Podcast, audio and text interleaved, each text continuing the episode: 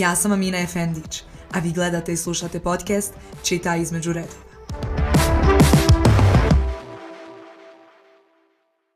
Dobrodošli u novu epizodu podcasta Čita između redova. Danas ćemo se dotaći malo više tema, što samopouzdanja, što motivacije, što fotografije i već sada vjerujem da možete pretpostaviti ko nam je to zapravo danas gost. Dušane, hvala ti puno što si došao i pristao da budeš dio mog podcasta. Hvala tebi na pozivu, nekako mi je stvarno čast i zadovoljstvo, jer su ovo još da kažem prve neke epizode i čast mi je da budem među, među prvima ovdje. Ovo su stvarno sami početci, čak prve epizode snimane u Beogradu, tako, da odmah si na početku tu. Rekla sam već, dotaći ćemo se i samopouzdanja i motivacije. Ja sam upratila da si bio i motivacijani govornik u nekoliko navrata. Ja samo što nisam još rudar bio, ali okej. Okay, Neka, sve što radiš ide ti dobro. Potpisivali, da, potpisivali su me onako, da, sa raznim, ali da, okej. Prvo ćemo proći kroz neka onako laganija pitanja i nešto što se tiče tebe. Ajde. Možeš li mi reći, da, tačno tako, možeš li mi reći kad si se počeo baviti fotografijom i kad je onako bio neki prvi trenutak kad si ti znao da želiš time da se baviš? E pa tog momenta nema, mislim već su me pitali tako neko slično pitanje ja sad kao ne mogu da se sjetim kao tad sam presekao i rekao tog dana kao tad 100% ću da se bavim fotografijom, znam samo da sam jako voleo da fotkam prvo mobilnim telefonom, tad je izašao još, sjećam se neka Nokia sa onom, onom VGA kamerom, tako sam ja to zvao i znam da sam tad fotkao sve žive sa tim i da sam mojima tražio fotoaparat u nekom možda petom razredu već. Mhm. Tad je fotoaparat bio pojam, digitalni fotoaparat i koštuje Boga oca.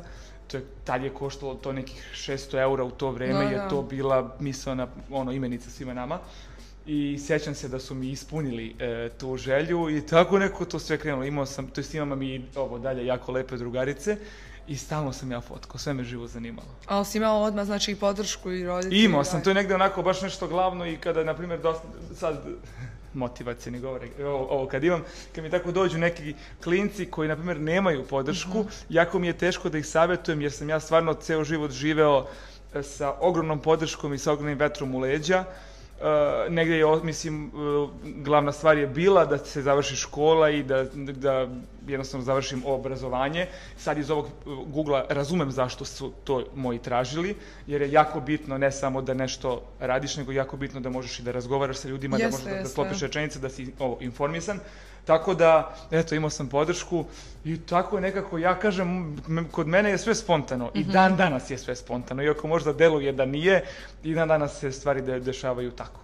Ali vjerujem da ljudima i kroz motivacijani govor i sve možeš i ti dati taj vjetar u leđa, baš koji se sam spomenuo, jer nekad neko ne naiđe, nažalost, na podršku od roditelja i to onda mu u tom slučaju to dosta znači. Jeste, ali eto, upravo ja, na primjer, sam uvek, ja i dan danas e, se motivišem e, kada imam neki tako malo loši period, na način da gledam intervjue raznih ljudi koji su uspješni u raznoraznim sferama, ne samo u fotografiji, to jest možda najmanje u fotografiji, mhm. nego generalno i upijam kao sunđer i dalje njihovu gestikulaciju, njihovo razmišljanje, njihov, ali bukvalno njihov način, ja kažem, ja sam sebe nekad zatekao da gledam i lude Kardašjane, kad kažem lude, mislim u najpozitivnijem smislu, da, im pratim gestikulaciju u kancelariji kako se ponašaju. Tako da, tako da nekako to pratim i onda eto, možda sam, sam zbog toga rekao ajde da ja snimam da bi možda neko video, jer ja nisam imao, kada, kada sam ja kretao, nisam imao fotografa koji je tu bio na društvenim mrežama, da kao pratim i da pa da kopiram. Pa, Mislim dobro, da, ali to jeste istina. Ja sam danas baš pričala i sa Pavom i sve koliko sam neko ko počne da se bavi fotografijom i kome je to neka nova bukvalno imenica. Mhm. Može da prati tebe i tvoj radi, da sebi na neki način približi kako i na koji način šta da radi, da prati neke tvoje stope, kako se ti izgradi u tome. Joj, znaš šta, ja nekako opet, ja sad kada kada, evo, danas sam shvatio informaciju, ušao sam na TikTok, mm da kažem ovdje pa mi bi TikTok, kako zove, ušao sam, pošto sam se probudio u četiri ujutru danas, tad mi je počeo dan, da, i prvo što sam naišao bio je neka stanica, zove se nešto nostalgija, mislim na engleskom, i neko je saopštio da je sljedeće godine 10 godina od 2013. Te to mene onako u četiri ujutru tako lupila ta informacija, gdje sad kada vratim, vratim sav taj period, ja sam uvijek samo čuto i radio. Mislim, mhm. nekako, znaš, i nema sad tu nekog specijalnog recepta. Možda ima, ja ga ne znam, ali moj recept je to da čutiš i da radiš i nekako smatram da kvalitet kada si kvalitetan, da li te voleli, ne voleli, da li te razumeli, ne razumeli, moraju sa ovom da rade. Prepoznaće se na kraju dana uvijek. Da, i nekako je ono, ja uvek nastojim da mi to bude, znaš, da, da moj rad govori za mene, a ne moje reči, nego eto Ali moj dobro, rad. ne postoji neki recept u ratu, to, to, to i super, bit ćeš No, fotograf, naravno ti da ne radi postoji... slikaj, mislim, ja to? kažem, sad e, opet da me neko ne shvati pogrešno, ja živim u 21. veku i se pogrešno što se kaže, ali ja kažem da, da majmuna zatvoriš u sobu pet godina i da mu daš kameru, majmun bi naučio da slika. Ma da. Znaš, kao, tako da, i da uopšte ne znaš da slikaš, A ima imaš želju šta god da radiš na, ovom- na ovom svetu, Uh, upravo ono što je uh, u prošloj epizodi Tijana rekla, meni kažu sad kao, blago, tebi, ti si bre baš nešto brzo uspeo, znaš, a meni je ovo niko 11. ne godina u BG-u. I ja sam ono rođeče, šta brzo? znači ne znam gde mi je... Ne znam da to sme, ne sme, Ma smiješ psujem, sve ali da okej. govoriš, ali Da, generalno ljudi ne gledaju nekad tu pozadnu, nego vide odmah sad rezultat, joj, vidi ovaj došao preko noći. Ali zašto je fora? Mi to dajemo. Mislim, ja prvi e, na tom Instagramu delujem ljudima da... uh, mislim, okej, kačim ja i kad sam umoran i kad imam puno da editujem, ali nekako i meni drugi deluju d- nekad super. I Dobro, to sam ja i nekad- s tobom pričala, to si ti meni rekao, gledam iz jednog grada u drugi grad, ovo, ono, i onda ti se sve čini da je non stop. Evo, pričam sad ovde, bili smo sad na, na skoro na jednom događaju i e, pričam sa Unom Krlić i ja kažem, video sam da si bila na Koponiku i psovao sam te, ja kad kažem psovao, mislim u najpozitivnijem smislu, kako su ti fotke onako estetične i čiste. Ona kaže, a ja sam gledala tvoje i nije mi bilo jasno kako su tvoje takve. I uvijek ono je kao tako. uvijek je, znaš, kao nešto tuđe, ono, to je prokleto, znaš, da ti nešto tuđe uvijek bude bolje. Tako da možda, znaš, taj utisak da, sam- da sam lako nešto uradio, je lju- ljudima i op, mislim možda i opravdan, jer, Da, da. jer, jer ja, znaš, ono, uzem i Tako im se pre, na neki način tako Ali se meni je super, jer ja to, u stvari, onda stvarno sam možda došao lako. Da, Sad iz ovih, znaš, možda je to meni lako. da, da. tako da. da, tako da, ono, ne, ne osuđujem ljude. A s kim ti se desila prva velika saradnja? E, prva javna ličnost Dobro. koju sam fotkao, to jest koju sam snimao spot sa 15 godina, nisam znao gde udaram, je bila Katarina Živković Mhm. i reper Arindi. On je tad, ne znam da se sjećaš ti Arindija. Sjećam. I on, radio sam sa njima taj spot, prvi, i eto, ona je bila negde, da kažem, veće ime. A ja je kao iskra, to je bilo 2012. 11 ili 12. A koliko je Ja sad- dotad prošlo vremena od kako ste ti počeo ja baviti sam u? Kragujevcu uveliko radio, ja sam negde onako, onako to se znalo za Dušana Petrovića, fotografa iz Kragujevca i pa sigurno je prošlo jednom možda tri godine da sam ja u Kragujevcu onako Dobro, baš aktivno prošlo radio. Prošlo je, prošlo je, a, a prošlo je još pet godina kako sam ja fotkao drugarice i išao Da, sam da, svuda da. sa kamerom. Tako da, kad onako sve, onako sad, evo, na primjer ovako saberemo, pa sigurno je preko 15 godina kako ja to nešto klikćem. Da, I onda da, kažu, pa to je super. Pa na, zamislite da nije super, da se ubijem bi 15 me godina. tako da, tako da ono, veliki je, veliki je period, to je dugačak je period. Ali super je. I sebi Dobro, isto ponovio. tim imaš iskustvo. Sebi isto ponovio. Bukvalno To je najbitnije, ponovio, da. to je najbitnije. A da li ti je plan da ti fotografija ostane primarno zanimanje? Sad si se oprobao i u muzici i stvarno Da. ti je super pjesma. Hvala ti, I hvala. spot, ostao toliko u svom fazonu. Pa ne, ja, ne, ja generalno ne umem i kada sam pokušavao, na primjer u fotografiji dosta, dosta puta tako, na primjer, neko iz modnog sveta kaže, a, ako slikaš komercijalno, daj malo, malo fashiona, malo nešto tu, nekih oštrih, ono, da bude oštro svetlo, čiste fotke, bela pozina. I ja sam se, pokušavao sam i- to da, da radim. I znam da to radim. Ali onda ja napravim neku kampanju koja evo danas, ovo, ovo što sam ti pokazao, i budem toliko izložen na to, ja kažem, pa čekaj, ovo sam ja, ja ne treba da bežim od sebe, razumeš, nego, nego treba da bukvalno radiš ono što si ti. Tako da je negde i ta muzika spontano došla, to je ta čuvena priča koju meni više muka da pričam, tu, tu priču vezanu za karantin i za pesmu, na tebe mislim non stop i kao tad je krenula ta neka sva, ono, cijela ideja i mogu da ti kažem, evo sad prošlo je možda mesec i po dana, skoro mesec i po dana je prošlo od izbacivanja pesme, super mi je stvar, mnogo sam zadovoljan. A, I mogu da ti kažem da me pesma malo naterala da shvatim koliko volim fotografiju. Koliko mi je bilo, koliko mi je prelepo u muzici i bit će muzike, evo malo pre smo slušali neki demo, bit će Opa. muzike, ali će biti na totalno neki drugačiji način, jer nekako toliko sam se izgradio u fotografiji, a ovo je neki početak, a ja malo moram sad da budem, bože zvučat ću sad baš prepotentno, ali malo e, sam već navikao da sam tu i da sam super, razumeš, ovdje sam na nekom početku, a ne volim da pa budem sad da više. se promaši u tome. Da. Ne, mislim, nije da se promaši, ali nekako stvarno sam video koliko volim fotografiju i koliko želim da u tome još više kidam. mm A da li snimati pjesme? Hoću, dobro. I ko zna što ću još da radim. A možda i neću, nekako, ne znam kako bi ti rekao, radit ću sve posjećaju i kako pa, mi dođe A sad sve tačke godišta, da li bi imao u planu, možda nekad radiš i nastupe, ako bi imao više pjesama ili nešto, ili to ipak nije Jao, ja to sebe stvarno sad ne vidim. Sad iz ovog ugla ne vidim, ali evo na Dobro, nikad se ne zna šta se može desiti. Nikad se ne zna šta može da se desi, ali evo, sad sam bio na jednoj žurci i pozvali su me da, budem na bini pored DJ-a i bukvalno mi je stiglo na stotine poruka ljudi sa te žurke, čak i od organizatora, kao ti si vodio žurku. Gdje sam ja ljudima upravljao kako da igramo, šta da, radimo, tako da negde kao ne mogu, da, ne mogu da kažem da možda se, da, da, se ne bih snašao, ali sad iz ove tačke gledišta Znači iz ove tačke gledišta fotografija ostaje primarna. To je, da, to je to. A šta bi izdvojio kao vrhunac svoje karijere? Ja, to je baš teško pitanje. To je baš, ne znam, ne znam da ti odgovorim na to pitanje. Mislim, sve, Kad sve se možda ti osjećao nekako najbolje? Pa generalno se ja svakodnevno na svakom snimanju, sad će to možda da, da zvuči onako diplomatski, ali stvarno se osjećam uvek i na svakom snimanju nekako, to je poslije snimanja se osjećam moćno, jer nekako shvatim da, e, pošto ja ispred, pred svako snimanje imam tremu. I Dobro. pre svakog snimanja ja mislim da ja to neću znati da fotkam i da neće to da bude kako smo mi to zamislili. I onda kada to bude neka čak i bolja, kažem onako sam sebi kao koji ste car, znaš, koji si car i kako je to dobro. A sad neki vrhunac karijere, imao sam jako lepih momenata generalno u karijeri.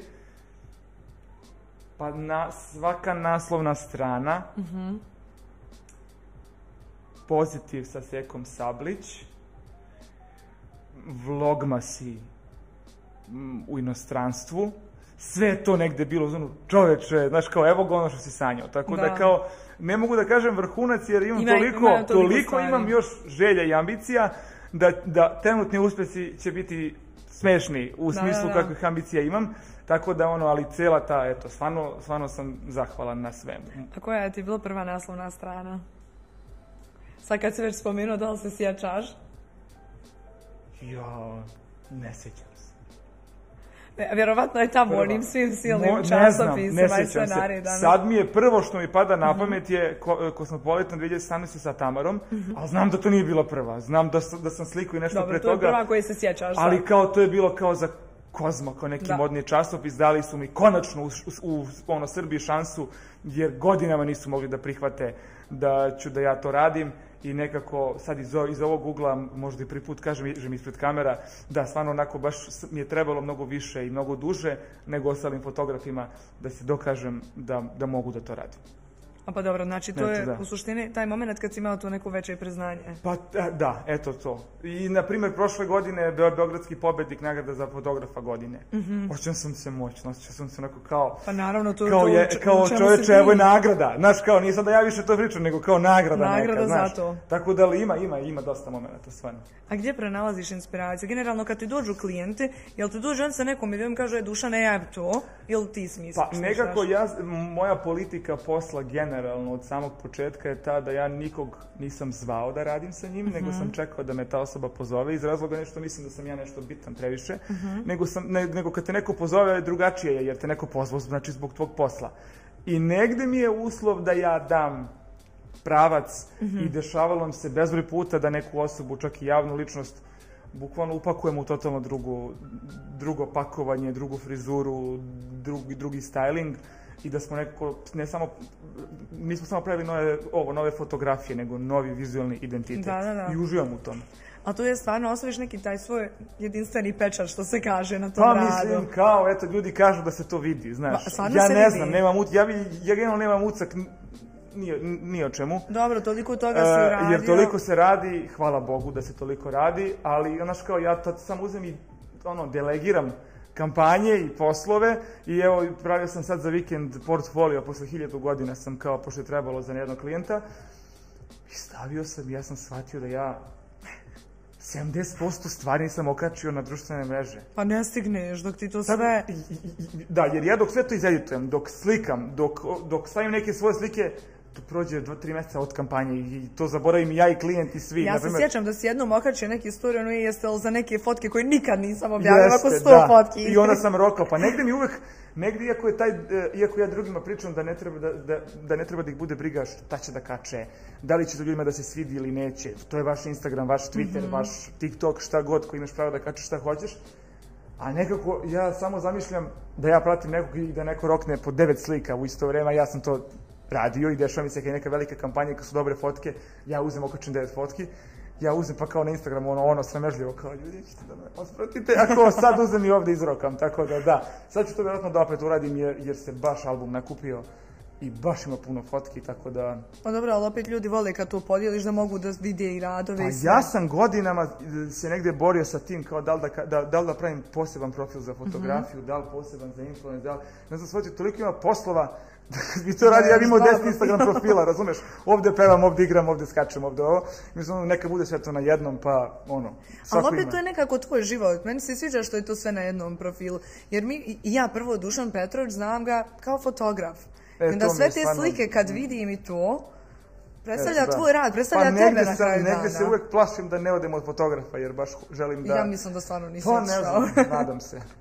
A s kojim aparatom si prvo počeo raditi fotke, a s kojim aparatom ti je danas najdraže da radiš fotke? Ovo me baš zanima. Vidi, počeo sam, e, čak možemo da ekskluzivno tu je u kancelariji. E, stvarno? Da, ne si, ne do, ja, a što nego ne znam oznaku. Dobro. To je Canon, ali neki, to je digitalni, onaj CD fotoaparat, koji mi je tu u ofisu da i njega onako stalno gledam, jer je to kao početak.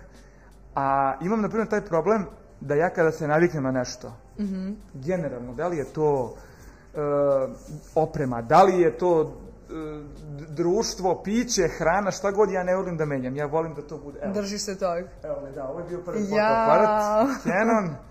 PowerShot A530. Znači, tu su nastale prve potkice. Vidi da je, da je sav izlizan. Koliko, koliko, koliko si ga koristio. Da, koliko sam ga koristio. Možda bude tu ako ne smeta. Ne smeta, naravno. E, ja kad se na nešto naviknem, na, jako mi je teško da promenim. Mm -hmm. I, na mhm. primjer, evo, ja fotkam već sigurno sedam godina na um, Canonu Mark Trojici, mm -hmm. koji je davno, kao, da, da kažem, zastario i toliko izašlo nekih novih fotoaparata koji sam ja probao i uvijek se vratim na, na, na, na, na moj Canon jer nekako sam naviku. Mm Tako da to trenutno koristim i to mi je onako na, najdraži fotoaparat za sad, ali sam svestan da ću u jednom momentu morati da, da presečem i da kao jer napreduje sve i napreduje da, tehnologija i tehnik i sve i da, da ću da promenim, ali Mark Trojka je meni i dalje Amin. To je znači zaštitno da, trenutno. Da. da li si imao neku prekretnicu koja se desila kad ti onako sve, što se kaže, pošlo za rukom? Kad sam upoznao Nedu Obradović, šalim se, da, evo same odgovorila. E, opet, opet, ja sam imao ere životne, mm nekako sad iz ovog ugla to tako vidim. Znaš, ja kad sam došao u Beograd, ja sam se zaposlio u jednoj modnoj agenciji, gde sam radio četiri godine i to je stvarno jedan, jedna era mog života. A jesi radio kao fotograf? Da, da, kao fotograf. I u stvari ti ljudi iz te agencije su mene kontaktirali, videli su me na eksplozivu na prvoj televiziji, e, ovo kad se emitovalo, pošto ja u Kragovicu kao tamo nešto snimao spotove, e, oni su me videli, zvali su me i oni su mi pružili šansu. I preko njih sam radio Katarinu Jarin i spot i sa, i, sa, i sa njima sam radio četiri godine. Tako da je to bila jedna prekretnica. Mm -hmm. sam ja stvarno ispekao svoj zanat jer sam radio sve kad kažem sve, znači od fotografije, e, bookinga, šminke, frizure, čišćenja, studija, e, svega, svega, svega. E, videa, fotografije, montaže, to je jedna era, istina. super, istina, kao, kao potvrda. onda, posle toga sam krenuo da radim sam, Dve godine sam, da kažem, on orijentirao stan na Novom Beogradu koji sam pretvorio u improvizovani studio. Ja, ja kažem, to je nit manji gori stan, nit je više zvezda bilo u tom istom stanu i na garnituri koju sam kupio sa 200 eura, kad se setim. I, i, ono, i ja tu garnituru imam i dalje negde garaži i tako kad vidim ja, ja kažem, bože, ko je, ko je sve sedeo na ovoj garnituri? Tako da sam imao tu eru. Pa sam onda imao eru vlogmasa i vlogovanja sa. Tamarom. Tako da je to opet bila neka druga prekret, mislim prekretnica. Pa sljedeći karantin, snimak na TV mislim na stop, to je opet nešto tako, 15, to i opet je dovelo nešto, tako da sam imao stvarno Više negde ono kao... Ali u suštini je glavna ta za fotografiju, jer rekla bi tad sve počelo. Tada sve počelo, da. Agencija je ono nekako bila Mislim, ja sam i u, i u Kragujevcu fotku, ali na primjer mene je bilo, pošto sam ja u Kragovcu pre te agencije bio u jednoj modnoj agenciji, mm se bude maneken. Opa! Da, to je tek, ti živi, ali dobro, prevezio sam, sam se tu i, i majka me je terala da ja njima pokažem svoje fotke. Dobro. Meni je bilo sramota, ja nisam hteo, ja sam rekao, ma kakvi, neće da oni to pri, prihvate, neće da... I on rekla, ajde ti samo to pokaži. Napravi folder i, mislim, odnesi, nemaš da izgubiš. Tako da sam tamo, ja to, tad sam ja u stvari to kao pokazao i tad sam krenuo da ja tu kao nešto fotkam. Tako da, on, I kakav je bio neki njihov prvi komentar? Pa kako, to mi se tad odušeli, sećam se, to je baš bilo ono. I od tad, od U suštini, mama je to pogurala. Pa ona je generalno neko ko mi je u isto vrijeme i najveća podrška i najveći kritičar. Ona i tekako ume da, da kaže kada se nešto ne sviđa i onako je baš direktna, da se mm -hmm. često i posvađamo. Evo, ona sad to vjerojatno gleda i smese, jer tako, na primjer, nekad ja nešto pitam i ona kaže iskreno, ja sam da iznerviram. I ona kaže, što si me pitao? na primjer, kada sam pesmu e, snimio, kada sam je pustio prvi put, sam se tresao jer sam bio zonu, jer znam, ako i se ne svidi, već da ona kaže da se ne svidi, da. a nekako mi njeno mišljenje je jako bitno i ako mi kaže da se ne svidi, meni Ništa odbija projekat, razumeš ono. I onda sam ja pustio pesmu i završao sam se pesmu i, znači ona je bila samo u zonu, ja, hvala Bogu. Ja kažem, šta je bilo? Sviđa mi se, plašao sam se da moram da ti kažem da je loša. Tako da je ona nekako jako realna i nije kao moj sin je najbolji i moj sin ono, ali vidjela da je to super i uzmano, idi pokaži, zašto da? Da, da, da. Pa dobro, ona ti dala onda taj iskreni vjetar u leđu, onda vjerovatno i tebi Jeste, to bilo da, u podsvijesti, odmah ne bi mi rekla da to ne valja. A mislim, znaš ti da kažeš nekom sa 12 godina, 13 u Kragovicu, već budeš podni fotograf. Mm Znači, nit fotografiju u Kragovicu, nit mode, mislim pričam u momentu kao nemaš modnih događaja, nemaš modnih časopisa, nemaš ničega. Razumijem. I kao super je imati neku podršku, tako da... A kako si ti, mislim, ne znam da pratio nekog ili Pa e, meni je, meni je generalno uh, uh, moj kolega sad nekako, mislim, ja, ja njega stalno kritikujem kad se vidimo jer se onako malo povuko. Mm -hmm. Andrija Damjanović je 2010, 9. 10. Dobro kidao, bukvalno samo što moju babu nije slikao. Slikao je sve ikada koje postoje. Andrija iz Kragujevca, išao je u istu srednju školu kao ja. I tad još nije, nije bilo ni Instagrama, ničega. Bio njegov sajt, sećam se, ja sam stalno gledao tu onu biografiju, piše Andrija Nanjić, rođen u Kragujevcu, e, 84. godišta, ja sam 94. pa sam to kao povezivao. E, išao u drugu Kragujevačku gimnaziju. I kažem, je, i meni je to ne bilo, pa vidiš, znači, i tu je radi, znači može, je, znaš, znači, mislim, kao, može, da, da, da. tako da je on negde bio, da kažem, neko koga sam ja, i on to zna, i ja to sad svuda pričam, E, I krivo mi je što se malo povuko, mm -hmm. ali dobro, ja ga razumem, ja sad želim da odem u šumu. Koliko Nekad malo da odmoriš od svega. Da, tako da negde sam njega kao pratio, naravno sve strane, sve strane najuspešnije fotografije. A često se spominjao knjigu Uspjeh što da ne. Ja, ja sam da. sama uzela tu knjigu. Da, znam da si me tagovala bila kad si kupila, Jeste. da. Da li ti inspiraciju i motivaciju pronalaziš često u knjigama? I postoji li još neka koja je tebi onako baš zapala za oko i koju često čitaš? Je, slagao ću sad, ako kažem, kao ja čitam motivaciju. Ja imam Dobro. brdo motivacije. Ja jedin samo to i kupujem, mm -hmm. i brdo mi što ja nemam kad da to čitam, jer ja kad dođem uče kući, ja... Budeš prepariran od ja svega. Ja sam telo, ja sam mogu da, da padnem u nesvet, kako se zove. Tako da imam hrpu knjiga i nekako pročitao sam sigurno jedno desetak tih, da kažem, motivacijonih, psiholoških, ali nekako uspjeh što ne je i dalje knjiga koja bukvalno sadrži sve što te knjige imaju, sadrži nekako sa, sažeto je sve mm -hmm. u mhm. njoj. I to isto haos koji se spontano desio, da ja u videu youtuber koji niti ima subscriber, niti ima ništa, da ja ispričam životnu priču i pomenuo tu knjigu. Ta knjiga je bila tri godine e, u top 5 najprodavanijih knjiga u, u, ovoj, u Vulkanu.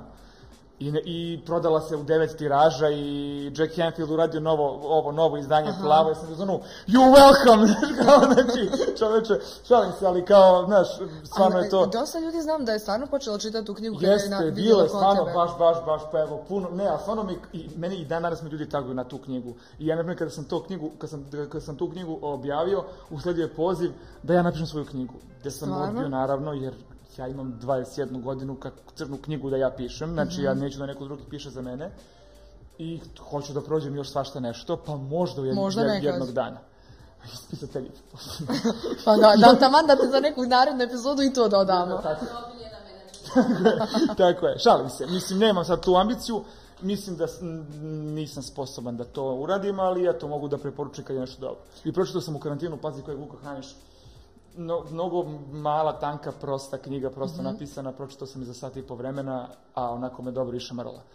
Kad kažem marila u smislu malo me vratila. A jel misliš da te knjige mogu pomoći ljudima da vrate sebi motivaciju i strast, da se pokrenu, da urade nešto? Znaš kako, ja se nekad stalno nerviram i to stalno meni moja porodica priča kao nisu svi kao ti, ja ne možeš to da očekujem, jer ja očekujem od svih ljudi da, na primjer, pošto ja, evo, kako krenula korona i sve to, svi smo postali malo ludi, mhm. malo više ludi. Ja sam imao momente, iako to niko nije provalio i da ja to nigde nisam pričao, koji su bili momenti na ivici depresije ozbiljne depresije, jer kao, a sad s druge strane ne zbog toga što nije bilo posla i kao korona, nego zato što je bilo previše svega i da sam se ja u svemu tome pogubio mhm. i bio sam preumoran i nekako sam ja, eto, hvala Bogu, imam tu moć da samog sebe, da sam sam svoj psiholog i psihijatar mhm. i sve moguće. E, I onda ja očekujem, sada evo ti mene to pitaš da da li mogu knjige, ja smatram da apsolutno mogu a možda neko ko ima stvarno problema i ko ne može da se izbori, rekao bi, sram te bilo što to kažeš. Mhm. Kao, ja se lečim godinama. Tako da ja ne mogu da ti sad kao kažem 100%. Ma, naravno, knjige, Meni, mogu, meni može video na TikToku od 15 sekundi da me... Da ti opet da neku motivaciju. Tek smo počeli polako. Da, da. da li napraviš balans između privatnog i poslovnog pa života? Ne, iskreno. Pa ne. Mislim, ja kažem kada me ljudi prate, kao, ja, ja te pratim, ti si mi Znaš, kao, želim sve isto. Ja kažem, joj, budi isto u poslu, ali ništa drugo nemoj isto, jer kao ja, ja, ja sam u poslu, mogu da kažem da tu nekako vodim, a što se tiče privatnog života, to je nekako stvarno Možda zapostavljeno. Možda se previše zatvorio onda u posao. Pa, znaš šta, e, ja volim da, ka, ja tako samo kroz šalu kažem, ja kažem, Bože, kad sam bio mlađi, bio sam toliko luđi, ali znaš šta je možda super, ja sam sa 15 došao u Beograd, mm -hmm. ja sam mhm. stvarno proživeo, što možda neko nikad ni neće, imao sam takvu priliku, i ludovao, izlazio i pio i putovao, i imao i veza, i druženja, i sve moguće što može da se zamisli. I onda sad možda sam onako sami možda i prijat to tako, da bude, znaš, mirno. Ali da li bi moglo da bude, da, da privatni život bude više zastupljen, apsolutno bi moglo, ali sam postao hendikepiran za to. Ne, ja ne umem da živim privatno. znači, bukvalno. Pa, ja znam da ti ja, generalno stalno radiš, a kad ja god te vidim da si uvijek ja ono umoran, da, prepariran. Ja i pišem nekad u jedan ujutru nešto za pona spava, ja, ja, ja i pišem, došla mi ideja, ja nešto kao mislim, tako da i taj moj odmor, ja kad kažem resetovao sam se, bio sam na odmoru, to nije odmor, ja ležim možda, ali sam, ali sam u hiljadu nekih stvari, da, što nije da. dobro. Mislim, treba, treba da, tanka je linija, znaš, tanka je linija, tako da kao super je s jedne strane, ali kao... A jel smatraš da se može inače uskladiti balans? Pa smatram da može. Ja ne umem i dalje. Aha, da, treba još vremena. Ne pa umem dobro, i dalje, ali I ja sam nekako generalno ceo život isključiv. Znaš, ja sam bio vegan skoro tri godine. Mm -hmm. Samo ti pričam o, o momentu, znači ja ili jedem sve ikada, ili, ništa. ili sam vegan da. tri godine skoro. Znaš, tako da ja ili radim, na primjer, ja imam taj neki period u dec, kraj decembra i januar, to nekako meni već godinama da ja tu kao ne radim ništa. Dobro, u suštini kod tebe je sve crno ili bijelo? E, I onda ja, na primjer, ili nema me uopšte cijel januar, Aha. ili dođem ovde i ne popadamo s nogu, da, tako da, tako da, eto, ludilo. A imaš dosta stvari u kojem si dobar. I stvarno, jo, hvala. sve što radiš, radiš onako kako treba. Ja imam usak da ja ne znam da bijem, ali dobro. To je, mislim, super je da se čuje. Po tvom, po, mislim, po tvom primjeru mi vidimo da se više stvari može uskladiti da nekako na svakom polju možeš biti dobar.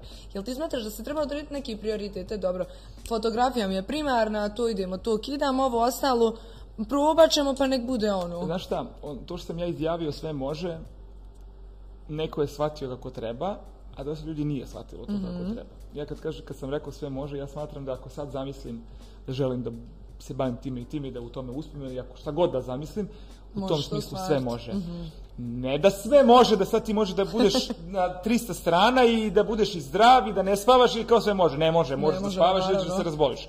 Znači, te stvari ne mogu, ali nekako ja negde mi je čak malo nekad i stvarilo problem to što, znaš koliko sam puta sebi rekao, te Dušane, što hoćeš sve? Znaš kao, što ti nije dovoljno se već fotografiju? Što, što si sad hteo to?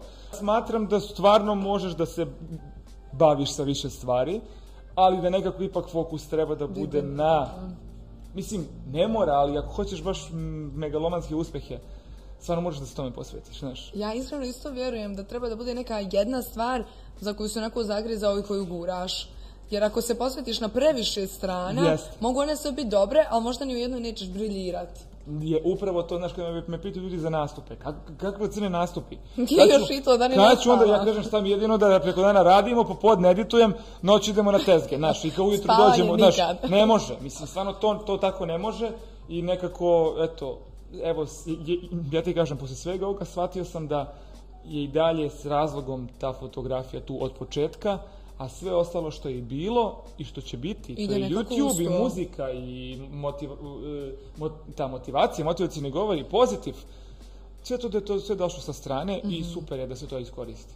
Pa naravno, naravno, treba da, ono, da se oprobaš u svim stvarima koje voliš, ali dalje ti je ostao pa, jedan... Pa, ja to gledam, sad si ovde, a ovde ti je cilj. Sad ti ideš do tog cilja. Znaš koliko će stvari da dođe sa strane. Grana se. E, i treba ih skupljati. Mm To što ti prija. Znaš, meni je sve Ja nisam planirao da se bavim YouTube-om, ja nisam planirao nikada pevam.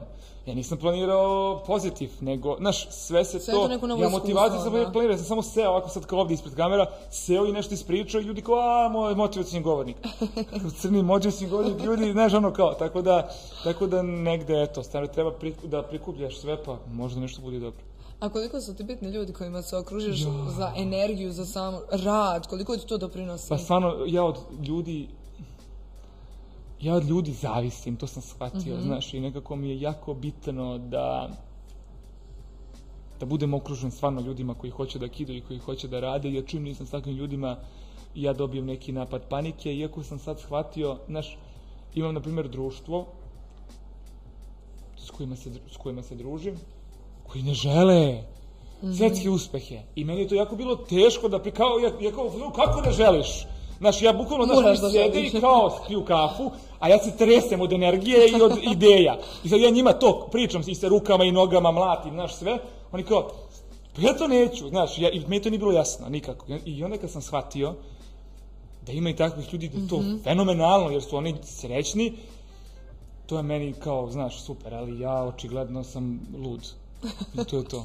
Pa dobro, ima još ljudi takvi, razumije, svako ne, će se pronaći ne, treba, znaš, treba, i to ljudi, sad neko ko, ko sluša, možda neko kaže, čoveče, onda sam ja skroz pogrešno živim, jer ja tako ne želim. Ne, Svako super. ima nešto što znači, ga čini sretnim. Znaš, ja nekako volim u posljednje vreme, malo tu radimo, imam drugaricu Anđelu, bavi se astrologijom, malo Aha. ego, tamo, vamo i sve to i, na primjer, meni je ego dosta stvari, zbog ega sam dosta stvari nekih u životu pogrešno uradio, jer je onako baš sam tvrdoglav.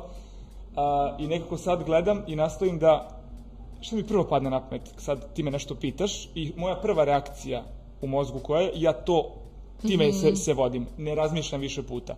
Tako da nekako svi treba, ja smatram da ono šta ti poželiš, to treba. Ako ćeš da ležiš, lezi. Dobro, to je neko i overtinkanje nekad stvari.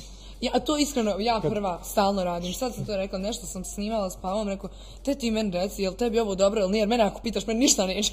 Znaš ja, ja, ove fotke editujem kampanju? Editujem odmah posle snimanja ili dan posle? Mm -hmm. Ako mi ostane, Neće ti biti to, to. Pa tu ja, ja bi to, ba, meni su to najgroznije slike ikada. Jeste, ili ako meni je krug, gledaš u nešto. Meni je krug kad je izašla bila naj, najodvratnija pesma ikada, jer je slušam od maja prošle godine. Ja, pa ja znam kad si ti meni spominjao tu pjesmu. E, ja sam, si a, krug, ja sam, ako možete da ugasite, da me ne tagujete na storijima, znaš, kao, jer kao, znaš, previše, previše nečega kao slušaš, ali da, overthink. To sam ja pričala s Prikijem koji inače radi pjesme, sam govori, Ja ga pitala koja ti je najdraža pjesma koju se radi. Govorim, meni se sve gade. Ja ne mogu kaže, više dođeti preko glave. Kažem, koji izađu i traže ceci žuto pile, gađao bih i mikrofon u naše 20 godina prešli jednu istu pesmu, ali dobro. A kako pronađeš motivaciju kad sama baš ništa ne da? Vjerujem da imaš i takvi imam, da ne, imam te momente. Izgleda kao da ti uvijek se pune energije, sve ide. Pa, ja, ni, evo, na primjer, jutro sam ustao jako neraspoložen.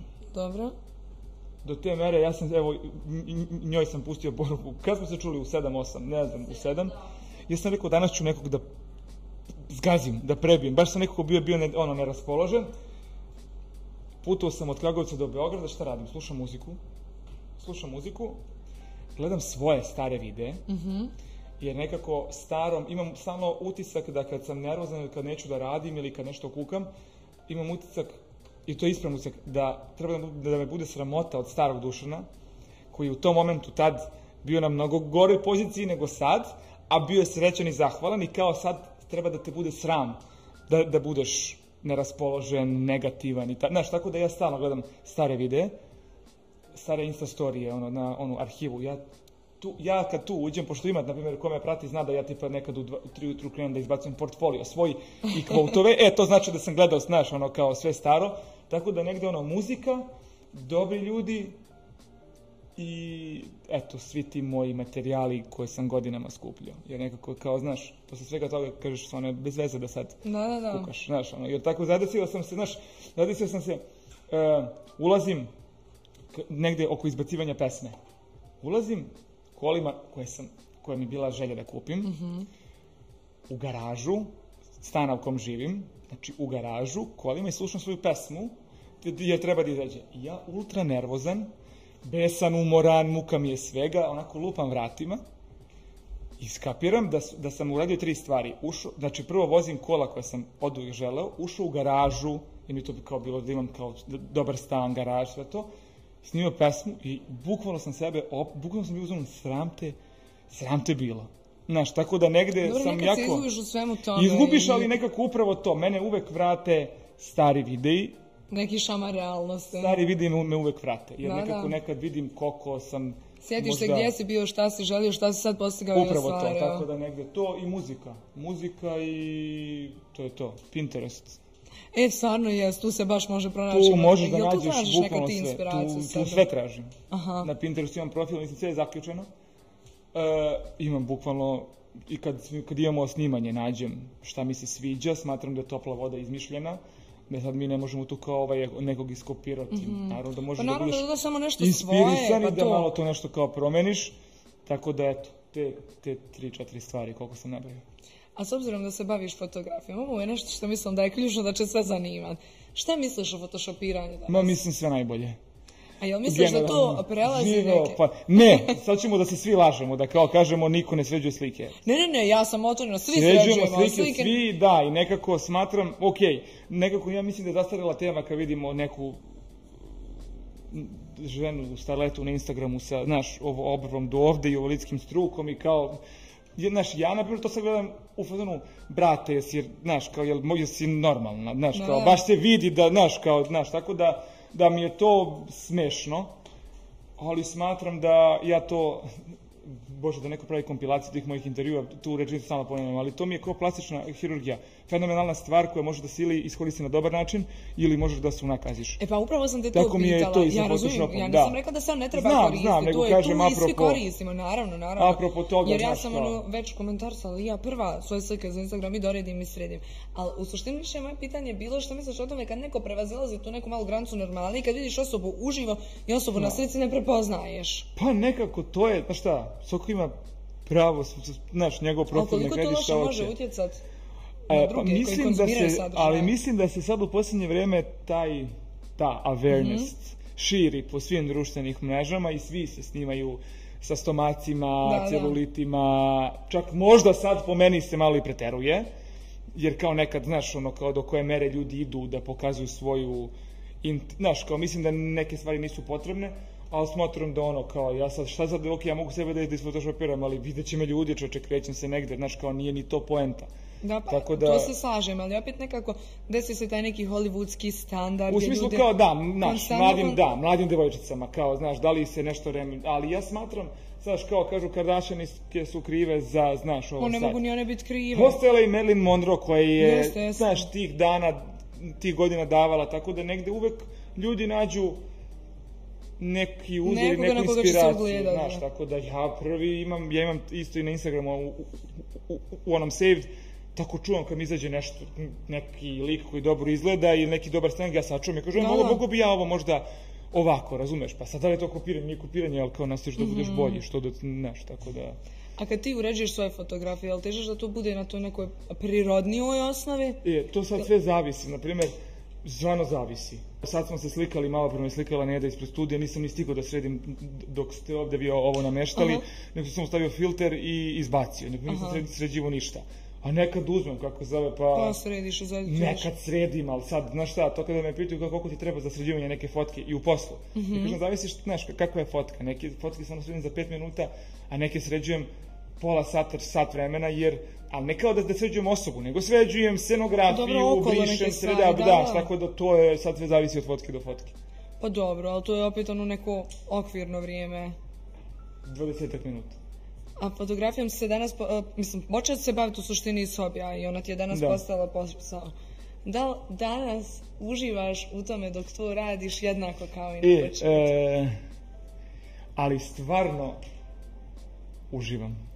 Ja mislim da se to vidi, ali opet je bilo neko pitanje... Imao sam, ne, imao sam momente mm gdje, mi je muka svega, gdje mi je muka fo, Došlo do kamere, ovog platna, ovih softbox, sve bi to bacio, kako zove, znaš, nekad. Imam te momente, ali kao na snimanju stvarno svaki put, na primjer, klijenti ko je bio negdje, predno dvije nedelje je bila jedna žena koja je prvi put radila sa nama i onako je malo imala čak i neku rezervu pre nego što je mhm. krenula. Ona je bila zonu, kao vi niste normalni. Kao vi ste tu danas letjeli, ti si leto, ti si pevao, istorije smo snimili i kao sve, ali ja to ništa, znaš, ja sve radim kako mi dođe u tom momentu. Da, da. znaš, tako da kad to vidiš, onda mogu, mogu da kažem da stvarno uživam. Pa ključna stvar je da radiš ono što voliš. Uživam. Nekad u nervoznim kad imam, kad mi se puno nagomila fotke da moram da editujem i kad me ljudi zovu, to mi je ja kad moram, tad nema šanse. Kad mi kaže moraš šalje danas, tad to može da me režiš. Da, samo kad ja hoću. A koliko ti treba u prosjeku da središ ako si radio neku kampanju? Koliko ti treba da završiš s tim? Pa par sati.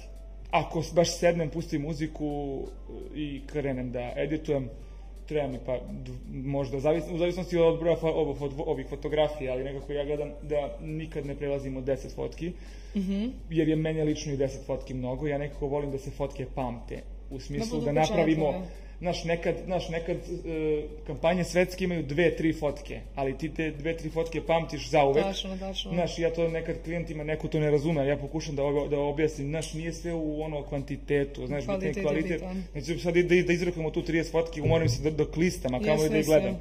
Tako da, za, u zavisnosti od fotke, ali ajde da kažem, vidimo do, do 10 fotki, to mi treba možda jedno dva, tri sata. Nekad tako uzmem, uđem na YouTube pa se onda zaglupim sa YouTube-om. Pa, ja i, i ne to zavisi onda... kakva je fotografija i šta je, upravo to, sve, da, ali eto onako I raspoloženje, ali, ne, ali kad me pukne onako, to baš mogu da I najbolje sve, kampanje, najbolje radovi sam, sam, sam izeditovao nakon fotkanja.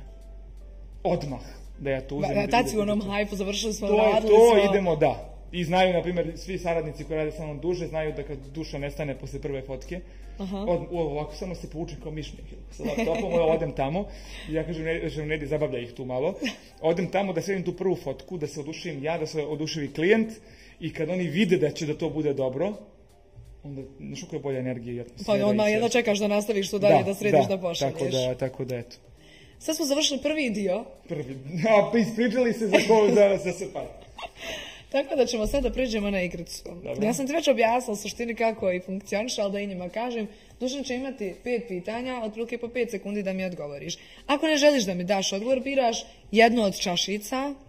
Kako strašno izgleda kad ovako pava ide sporo svojim čašicama. I nosi ono. Kao da ću, evo, znate šta, ja sam na sve živo alergičan, tako da ja moram da prvo pitam šta ima u čemu. Na što si alergičan? E, nema to šta ima u čemu, na šta? na dosta stvari. Stvarno, da. Ajde, ne, Evo, ja ću da, na primjer, uzmem tu ja ću ti reći šta, ja ću da te pitam šta ima šta ima, da, dobro, nemoj treba mi ovdje šta to, bi to, to, to ne, nemoj mi to. Veruj mi, stalno se nadugam. Tako da vi koji nas slušate na Spotify, Deezeru, Apple podcastu ili gdje god imate i na YouTube ukoliko želite da vidite video, reakciju duše. S kim ti je bilo najbolje i najlakše raditi kampanju, a s kim si najteže našao zajednički jezik? E... Hajmo, ajmo, pet sekundi prolazi. A, pet sekundi, stani. Jo, stres. S kim je bilo najbolje? S kim je bilo najbolje? Bilo najbolje? A, a stvarno, ali vidi, sad ću opet budem diplomata. Stvarno su do izvoli čašicu, nema tog, ja sam tražila najbolje dobro, i najgore. Dobro, ko ne bi rekao s kim bilo najgore, tako Aha, da... dobro, ajde ti izaberi šta bi popio, pa ću ti ja samo reći. Ja, izgleda najodvratnije, tako da to neću. ne znam ja. Sad u kecu, da ima neke čokolade, ali ja čokolade Gdje? volim u kecu. Dobro. Ovo tamo isto mi delo kada sam alergičan na, na ajde kec. Jeli, dobro, mislim da na to nisi alergičan, e, čokoladno mlijeko i pašteta. jo, Nemoj biti sada alergičan za ono paštet. Znaš šta, ja sam, ja sam stoka, ja bi ovo jeo. Kad, na primjer, meni sad zabranjeno da jedem čokoladno mlijeko, mi sad ovo super. A sad svi makar nekako čokoladno mlijeko, jel pa? U, ne, ja evo ga after tape. After tape. Dobro, idemo dalje. Za kojeg fotografa smatraš da ima najviše potencijala zato što se kaže naslijedi u tome što ti radiš? Da prešiša? Pa ne da te prešiša, da te naslijedi generalno da, kako se kaže, nastavi tvojim stopama. Jo, ima stvarno puno mladih ljudi. genijalnih. Pa mislim, prvi je Pave tu, neko ko je genijalan, on je negdje više fokusiran na video mhm. i stvarno u tome kida.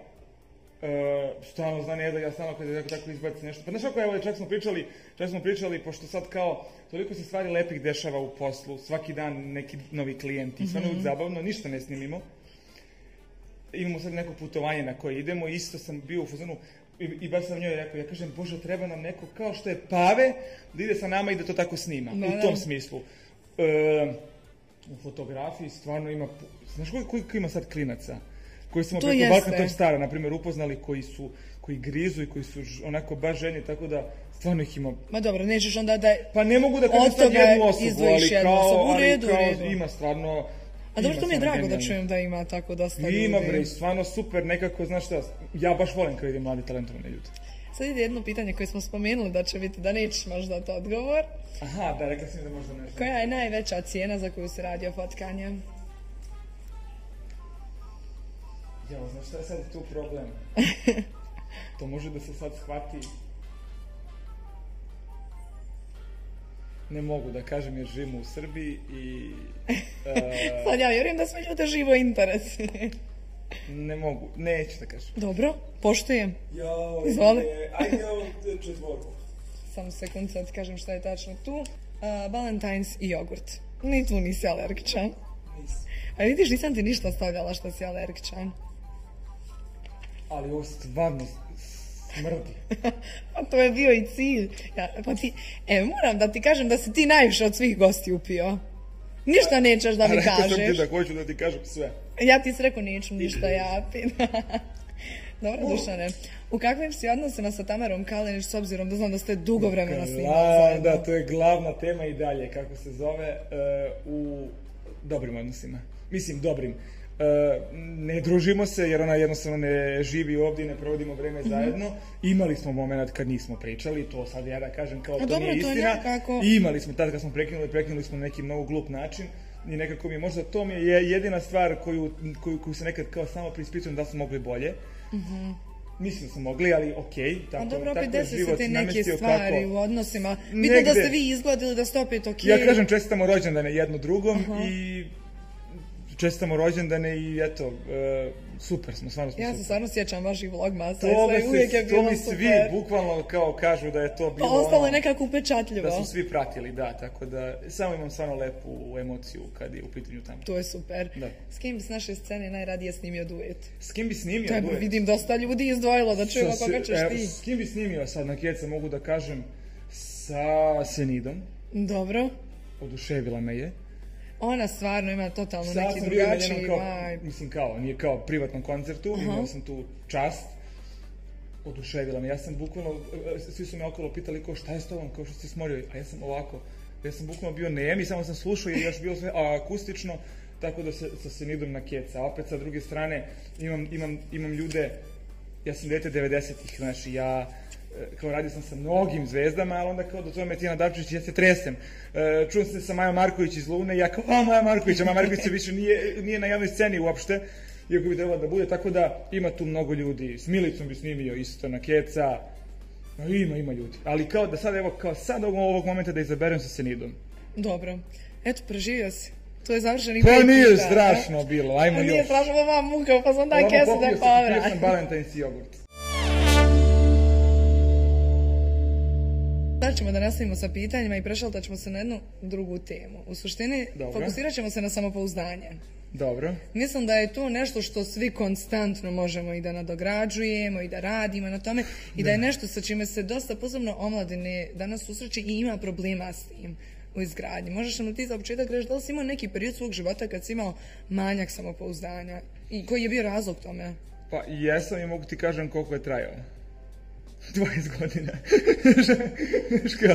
ne, ozbiljno. Uh, ja sam neko ko, to je sad uopšte poznato ko me prati, ja imam taj moment, iako sad to ću kažem, ma šta pričaš, problem sa kilažom. Znači, ja mhm. mogu da se mnogo lako ugojim, a mogu i da mnogo lako smršam. Ja sam na momentu imao skoro 100 kila. Mm I nekako mi je to ostalo u glavi da ja i dan danas, kad pazim, super se osjećam. Mm Kad jedan dan jede nešto što ne valja ja sebe vidim kao dušina sa 100 kila i već sam sebi debel. Znaš, i nekako mogu da kažem, to je sad kad pričamo o momentu fizičkog izgleda. A što se tiče psihe i svega ostalog vezano za posao, to je nešto što sam se ja promenio za 180 stepeni. Mene neko ko zna iz detinstva, moja rodbina, tetka stalno kaže, kaže, Bože, tako kad me sad vidi, ko ne mogu da verujem onaj mali duca jer sam ja bio neko ko nije smeo da pozove taksi, ko nije smeo da pozove profesorku iz matematike da ode na čas, ko nije smeo da se javi ljudima na ulici, neko ko je mucao dosta, neko ko generalno nije znao gde bije i nekako sam onako bio uvek čutljiv i nikad mhm. nisam teo ja da se iz tu sad kao pokazujem i nešto. I onda sam krenuo da se bavim ovim poslom i shvatio da ja takav neću da ništa uradim. A da, nećeš nigdje to gurati. I onda se krenuo, krenuo rad na sebi, u svakom smislu. I nekako i dan danas radim na sebi, i dan danas se dosta stvari učim, smatram da dosta stvari još ima koje bi trebao da popravim. A uvijek ima nešto na čemu možemo da, da radimo. uvijek ima nešto i nekako, znaš, kao, i nekad kada, to sam sad skoro dao savjet, jer sam kao, počeo sam da treniram, da se sad hranim zdravo, i ima rezultata i sve. I ne znam, sam pričao sa drugarom i sad nešto mu na poslu nije, nije kako treba. A nije do njega, ne može da on mhm. ništa uradi. I on kaže, ja više ne znam što da radim, stagniram skroz, e, već šest mjeseci ja ništa se nije desilo. Ja kažem, aj kreni da treniraš, kreni da, da kreni da radiš, da napreduješ u nečemu u čemu, od, od šta zavisi od, mm od tebe, znaš, i kao osjećaš se ćeš se super. Ja sam krenuo da treniram, a raspadao sam se u poslu i mnogo stvari, i psiha i glava luda, sam krenuo da treniram, vidim rezultati i kažem, aha, vidi, znači ja sam samog sebe sklesao, znaš, tako da tako da smatram da je ono, znaš, e, pogotovo danas u 21. veku, e, što kažeš da kao nešto ne možeš je opravdanje po meni, znaš. Bukvalno možeš da naučiš preko YouTube-a sve ikada, znači od treninga, kuvanja, jezika, fotografije, šminke, čega... sve ti je dostupno da dohvat ruke. Sve je dostupno i tako da ja smatram da danas je samo, da, da danas... Potrebno je nešto neku volju. E, naravno, to je, to je, to je pod broj jedan, ali u tom smislu, znaš, ja, ja sam alergičan na ljude koji krive druge za neuspehe svoje, e, znaš, jer ja nekako... A dobro, to je kad je to neko stanje, kad ti nisi zadovoljan sad sa osobom, pa ti onda sve okolo krivo. Ja imam, znaš, kada radimo tako sa nekim ljudima i kada nam dođu neke, onako, stvarno, najveće zvezde, kad kažem najveće zvezde, mislim na ljude koji prave koncerte na mhm. trgovima, u arenama, znači, u tom smislu najveće zvezde, oni me nemaju problem ni sa čim. Da, da. Da ga, da ga je, koga god, ali muško žena, da kažem, aj stani tu da slikaš uz, uz uh, ovu ovdje lutku cepanu, stavi. Jer je on je on ili ona ispred čega god, znaš, da, kao. I nekako je nemaju stvarno... kompleks, nemaju problem onda ništa. Nemaju problem, znaš, tako da je jako bitno da pronađeš nešto, smatram da svako treba da nađe neku suštinu, ali u čemu, da skupljuš salvete, pa da kažeš čovječe, ja sam, ja imam najbolju kolekciju salveta. Sad sam to lupio, palo mi jako da, kao, znaš, šta god da nađeš, zbog toga sam ja rekao, ok, super je muzika, super je pozitiv, sve to ono radi, ali ovde, ovo kida. Da, da. Kida, bre, hoću da, hoću da dođem u prostoriju, da znam da sam dobar u tome. Mm Jer nekako me radi me na samopouzdanje, razumeš? Pa naravno, svima to neki, Znaš, tako da je, eto, možda šta god da treniraš, da, šta god da, god da radiš, samo znaš da, eto, ono, a vjerujem da je potrebno nekad izaći iz te zone komfora, jer ti sad spomenuo... Konstantno moraš da izađeš iz zone komfora. Ja sam, ja sam u zoni komfora, ja to samo običam, ja sam u zoni komfora kad sam van zone komfora. Mhm. Jer ja čim sam u zoni komfora, ja krećem da paničim i katastrofa mi je sve šta je sad... Mislim, znaš, ja sam uzeo da snimim pesmu, ja sam otišao na časove pevanja, ne znaš, ja ništa da, ne, ne znaš kako da se ponašaš i šta da ništa radiš. i ja sam bio totalno van zone komfora u I tom studiju, pa da. ali me to radilo, znaš, i napredovao sam.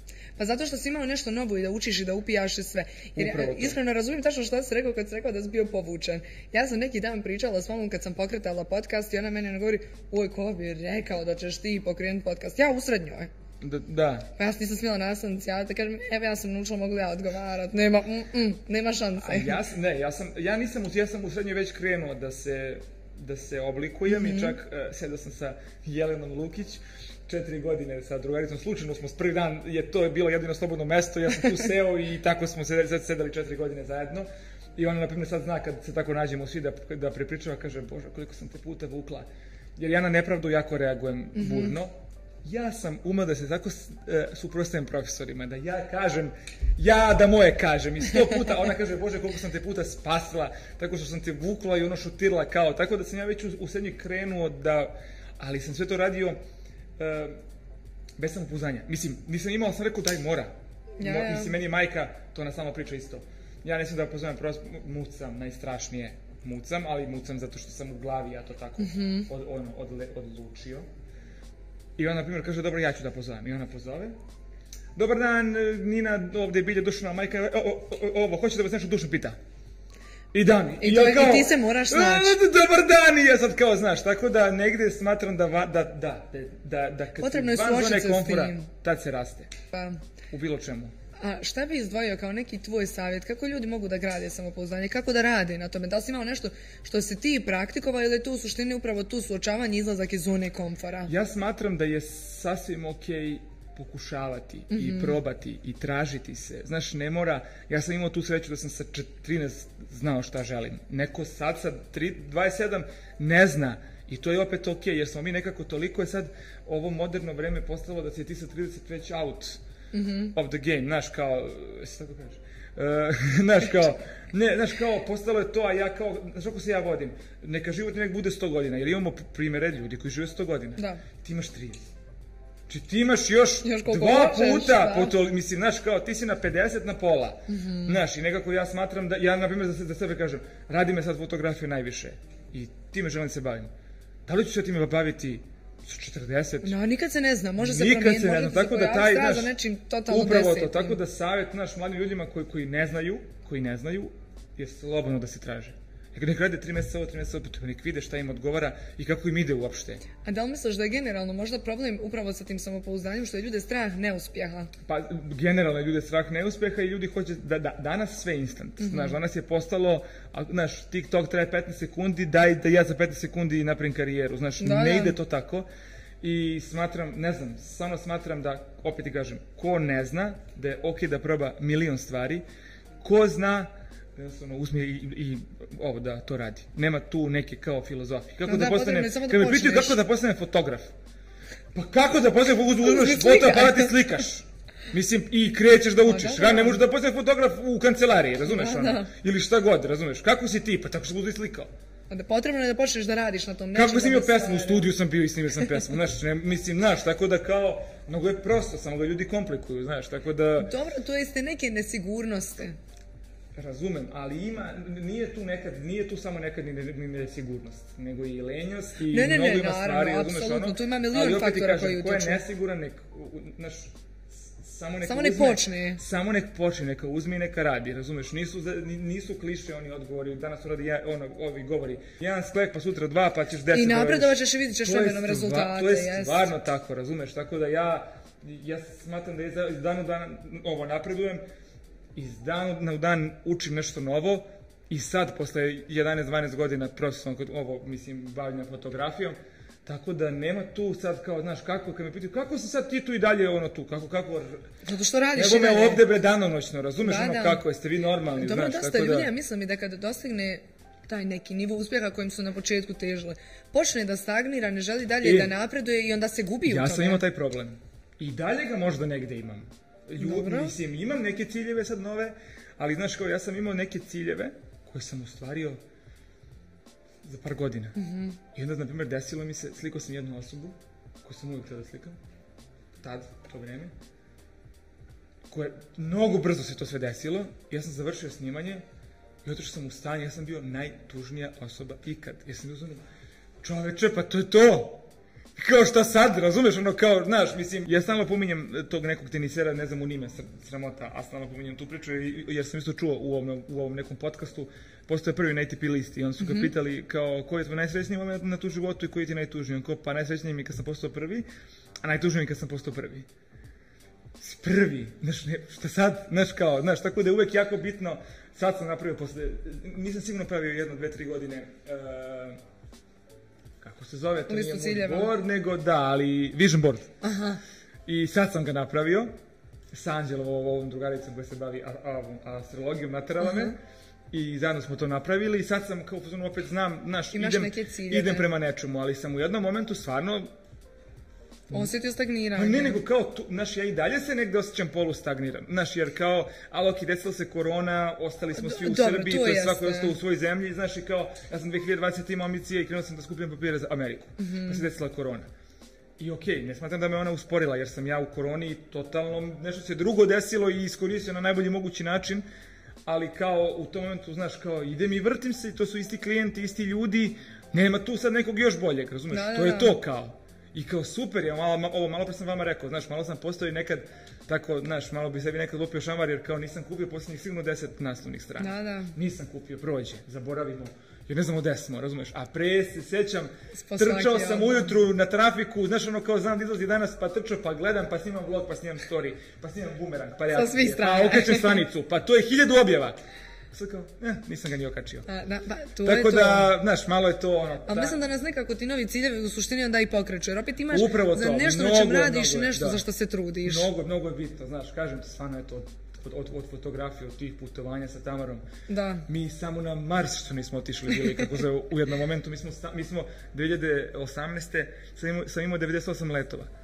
Ja. Znaš, to je, ti si više go u avionu, znaš, nego da, je, da. jer je to, to je bukvalno bio život sad sedimo ovde, hoćemo preko sutra idemo u Pariz da slikamo tri dana, ajmo. Hoćemo posle, ajde da produžimo do Barcelone. To stalno si negdje, stalno si pokretu i stalno se nešto da, dešava. i to je, ali opet je, znaš, onda je, u tom momentu je moja fotografija stradala. Mm. Jer sam, ja nisam bio ovde, znaš, tako da, da, negde balans između svega Ma, balans je uvijek potreban postoji, za ali balans je najteži. Da Jeste, stvarno ga je, što ti kažeš, tanka je linija. Tanka je linija, da. Da li si imao nekad problem da se uspoređivao sa drugima i koliko ti je to izazivalo problem? Svakodnevno, svakodnevno i to je, I mislim da je nama svima problem. Jeste. Svako će da slaže ako kaže da nije, pogotovo zbog Instagrama, društvenih mreža, TikToka i svega, znaš, ono, listam i uzmano sam, čoveče, jer sam samo ja budala koja ovoliko radi nema vremena ni za šta, znaš, a onda tako kad pričam s ljudima shvatim da se svi bore Aha. i svi su ludi i svi su i pametni, a samo mislim, znaš, i, i pametni je ludi, ima Marija Šrifić, Super smo to to. Znaš, kao, znaš, tako da slagaću ako kažem da se ne, ne upoređujem svaki dan. A samo što to možda donekle treba gledati kao neku konstantnu motivaciju kad e, pa ja ga to gledam, ja pa to gledam tako. Znaš, pa to, e, to je onda ja ispravno, to... zato što ćeš dobiti opet neku motivaciju da nešto uradiš, da se pokreneš. To, znaš, ja, na primjer, uh, kad sam najbolje fotke pravio, kad su moje kolege pravile najbolje fotke, pa mi se desi inat, ja kažem, ja vidi ga... Moram. Moram sam, sad ću ja još bolje. I dešavalo se u jednom momentu i to je negde, ja nisam sa dosta njih u ni u kakvom kontaktu, jer nekako, baš dugo nisam bio prihvaćen. Baš dugo nije niko mogu da me prihvati ovde. Ali tako sa ljudima sa kojima sam u kontaktu, pa kad vidim da treniraju, kažu, malo bre, ste normalni.